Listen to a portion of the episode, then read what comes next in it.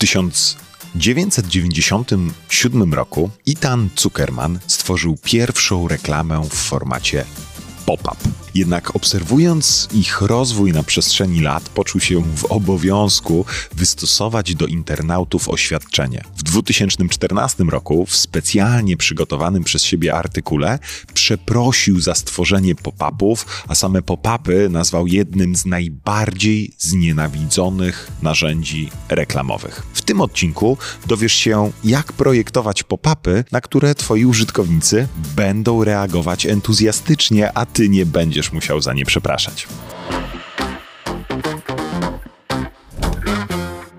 Przed wprowadzeniem na rynek pierwszych boomboxów Sony przeprowadziło badanie. W deklaratywnym badaniu jakościowym udział wzięli nastolatkowie, którzy zostali zapytani, czy sprzęt powinien występować w jaskrawych kolorach, czy w klasycznej czerni. Prawie wszyscy odpowiedzieli: każdy tylko nie czarny. Po badaniu każdy z uczestników mógł wziąć do domu jednego boomboxa.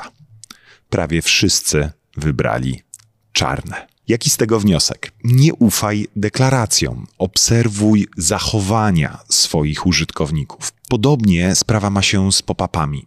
Wielu użytkowników twierdzi, że są inwazyjną i irytującą formą komunikacji, natomiast badania i liczby wskazują jednak, że są one również skuteczne. W 2019 roku Sumo przeanalizowało miliard 754 miliony 957 tysięcy 675 pop-upów i wyniki prezentują się następująco. 10% najskuteczniejszych wyskakujących okienek miało średni współczynnik konwersji 9,28%. Tylko 3 podmioty na 100 mogą pochwalić się współczynnikiem konwersji powyżej 11%. Średni współczynnik konwersji dla wszystkich okienek e, wynosi 3,09%. Wydaje ci się, że to tylko puste liczby. Przełóżmy je więc na praktykę. Zakładając, że udałoby ci się osiągnąć średni współczynnik konwersji, który według tego badania sumo wynosi 9,28 oraz zakładając, że twoją witrynę odwiedza 150 osób dziennie, to w ciągu miesiąca będziesz mieć nawet 418 konwersji. Brzmi o wiele lepiej. Pytanie, jak zaprojektować pop-up, który będzie tak konwertować? Prostota, skąpstwo poznawcze. Wszyscy jesteśmy skąpcami. Skąpcami poznawczymi. I nie ma co się dziwić, w każdej sekundzie nasz mózg przetwarza ogromną ilość informacji. Nieustannie musimy rozstrzygać, które z nich są ważne, a które należy zignorować. Nie jesteśmy w stanie wszystkiego zarejestrować, przemyśleć i zareagować na to. Dlatego bardzo szybko uczymy się stosować uproszczenia myślowe, które pomagają nam jeszcze lepiej zrozumieć otaczającą rzeczywistość i przetwarzać skuteczniej oddziałujące na nas sygnały. Wykorzystujemy tak zwaną oszczędność poznawczą i w ten sposób chrominimy nasze umysły przed przeciążeniem. Ze względu na to ważne jest nie tylko prostota samego komunikatu, ale przede wszystkim odpowiednie call to action. Nie każ swojemu odbiorcy zastanawiać się, czego od niego oczekujesz. Kiedy on będzie się zastanawiać, ty stracisz swoją szansę na upragnioną konwersję. Weź także pod uwagę, że dzisiaj pop-upy nie są już dla nas niczym wyjątkowym. Stały się na przestrzeni lat czymś w rodzaju elementu naturalnego środowiska witryny. Są jak leżący policjant, czyli ten próg zwalniający. Mimo, że kierowcy za nim nie przepadają, delikatnie rzecz ujmując, to on nadal realizuje swój cel. Użytkownik ocenia atrakcyjność, również e, tę poznawczą przekazu w ciągu dosłownie ułamka sekundy. Jeśli wyskakujące okienko nie zdąży przyciągnąć jego uwagi obrazem lub tytułem, zignoruje je lub po prostu je zamknie. Musisz być precyzyjny i bezpośredni. Pozwól, że pokażę Ci to na przykładzie. Przeanalizujmy teraz ten komunikat.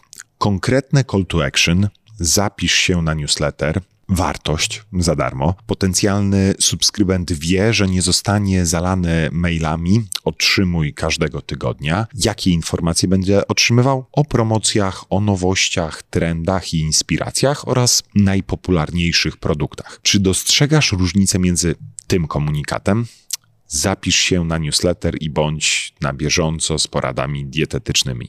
Mam nadzieję, że tak. Porada numer dwa. Rozmieszczenie zgodnie z F. Zgodnie z badaniami Nielsen Norman Group, wzrok większości ludzi porusza się po stronach www, nakreślając wzór w kształcie litery F. To oznacza, że twoi użytkownicy najpierw czytają w ruchu poziomym, zwykle w górnej części obszaru treści. Ten początkowy element tworzy górną belkę litery F. Następnie przesuwają się odrobinę w dół strony i czytają w drugim poziomym ruchu, który zazwyczaj obejmuje krótszy obszar niż poprzedni ruch. Ten dodatkowy element tworzy tą dolną belkę w F. A na koniec użytkownicy skanują lewą y, stronę treści w ruchu pionowym.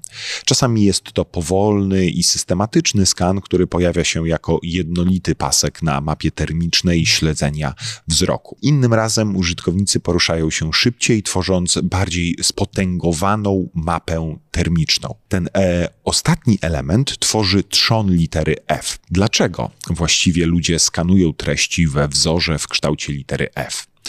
Ludzie skanują w kształcie F, e, gdy strona lub sekcja strony zawiera tekst, który ma niewielkie formatowanie lub nie ma go wcale. Na przykład ma ścianę tekstu, ale nie ma pogrubień, wypunktowań ani podtytułów. Użytkownik stara się być najbardziej wydajny na tej stronie. Użytkownik nie jest tak zaangażowany ani zainteresowany, żeby czytać każde słowo. Wiedząc to i stosując się do tej zasady litery F, możesz odpowiednio wybrać sposób pojawienia się pop-upu na Twojej stronie. Zadecyduj, czy Twój pop-up ma się pojawiać u góry strony, nie zakrywając przy tym treści, przybierać formę baneru głównego, wysuwać się z dołu strony lub e, z boku i podobnie jak w przypadkach banerów górnych, nie zakrywać treści, będąc yy, pop-upem typu slide in wyświetlać się na środku ekranu, taki overlay, czy zakrywać całą stronę, zaciemniając ją, tak zwany welcome mat. Moment wyświetlenia. Równie ważnym elementem, co prostota i rozmieszczenie komunikatu, jest e, jego moment wyświetlenia. Wyskakujące okienko, które pojawia się tuż przed załadowaniem strony internetowej, prawdopodobnie zirytuje odwiedzających. Twoi użytkownicy chcą wiedzieć, że trafili we właściwe miejsce, zanim w ogóle zostaną zalani reklamami. Nawet pop-up mający im pomóc będzie przez nich odebrany jako irytująca reklama, gdy zostanie wyświetlony w sposób natrętny. Kiedy więc e, najlepiej wyświetlić pop-up Twojemu użytkownikowi? Aby wybrać optymalny czas wyświetlenia wyskakującego okienka, sprawdź średni czas trwania sesji, czas spędzony w witrynie w Google Analytics.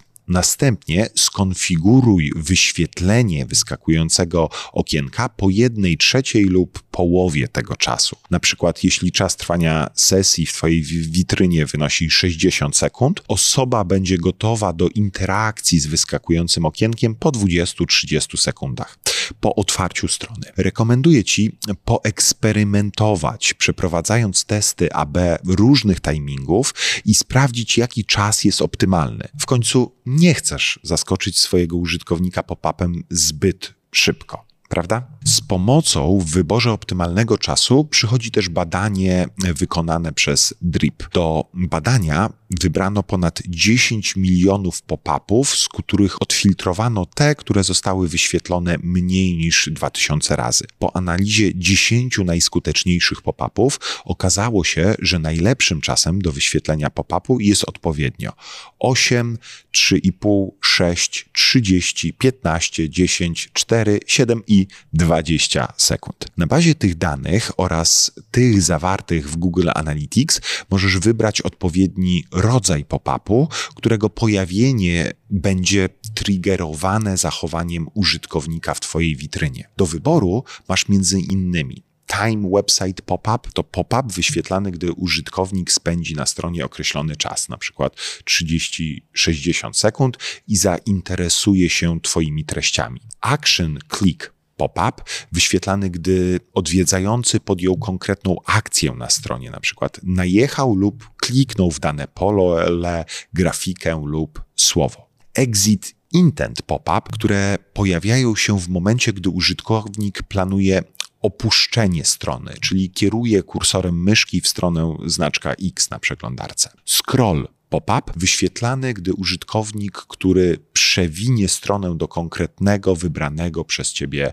miejsca. Ze wspomnianego już wcześniej badania DRIP wynika, że najlepiej konwertują pop-upy wyświetlane po przeskrolowaniu odpowiednio 35%, 50%, 40%, 15%, 10%, 20%, 30%, 45%, 80%, 25% i 70% strony. Bez względu na to, który rodzaj pop-upu wybierzesz, zawsze pamiętaj o wygodzie i doświadczeniu użytkownika capping i targetowanie. A skoro już mówimy o doświadczeniu, e, to strzelanie pop-upami na oślep nie zadziała na Twoją korzyść. Projektując automatyzację wyświetlenia pop-upu, nie zapomnij o cappingu, czyli nałożeniu limitu wyświetleń pop-upu na unikalnego użytkownika oraz o targetowaniu. Dobrą praktyką jest wyświetlanie pop-upu tylko raz podczas przeglądania witryny. Jeśli na każdej stronie użytkownik będzie musiał za każdym razem nacisnąć krzyżyk, prędzej czy później przejdzie na witrynę konkurencyjną. Równie zirytowany będzie, jeśli mimo dokonanego już przez niego zapisu do newslettera wciąż będziesz wyświetlał mu pop-up z takim komunikatem. Jeśli jednak użytkownik odmówi, zamykając wyskakujące okienko, musisz dać mu czas, aby zobaczył wartość Twojej witryny, zanim zapytasz o zapis do newslettera ponownie. Daj mu czas i pozwól swojej marce go przekonać. Google grozi palcem. Musisz wiedzieć, że oprócz najważniejszego sędziego oceniającego Twoje pop-upy, Twojego użytkownika, jest jeszcze jeden strażnik stojący na straży ich poprawności. Google.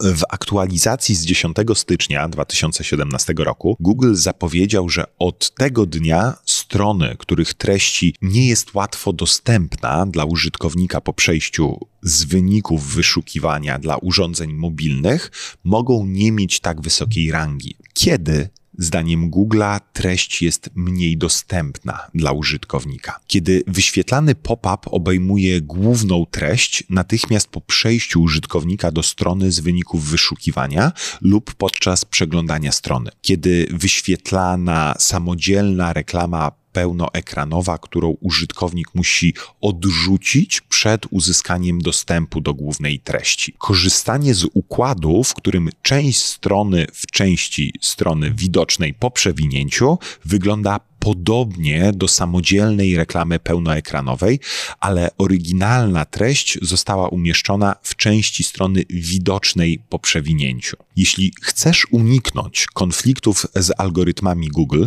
a na pewno chcesz, musisz powstrzymać się od stosowania technik, które utrudnią Twojemu użytkownikowi dostęp do treści. Co ważne, nie dotyczy tak zwa, to tak zwanego gated contentu, czyli treści dostępnych dopiero po podaniu danych takich jak imię, e-mail, a więc z tego korzystaj do woli. Jeśli jednak nie chcesz wyświetlać pop-upów dla użytkowników urządzeń mobilnych w obawie przed wywołaniem u nich irytacji, to wiedz, że dobre systemy marketing automation umożliwią ci wyświetlanie pop-upów dla użytkownika na desktopie i zamianę pop-upu na blok HTML dla użytkownika mobilnego. Wtedy ta kreacja jest obsadzona wewnątrz strony. Kiedy jeszcze wyświetlanie pop-upów nie będą miały wpływu na pozycję w Google. Jeśli reklamy pełnoekranowe są odpowiedzią na zobowiązania prawne, takie jak użytkowanie plików cookie lub weryfikacja wieku. Banery zajmują rozsądną ilość miejsca na ekranie i są łatwe do odrzucenia. Banery instalacji aplikacji dostarczonej przez Safari i Chrome to przykład banerów, które zajmują rozsądną ilość miejsca na ekranie. Nie brzmi to wcale tak strasznie, prawda? I to już koniec. Mm, wszystko na dzisiaj. Koniecznie podziel się w komentarzu swoim trikiem na efektywność pop-upów, a może też jesteś zdania, że są one inwazyjne i jesteś ich przeciwnikiem. Chętnie poznam Twój punkt widzenia w komentarzu.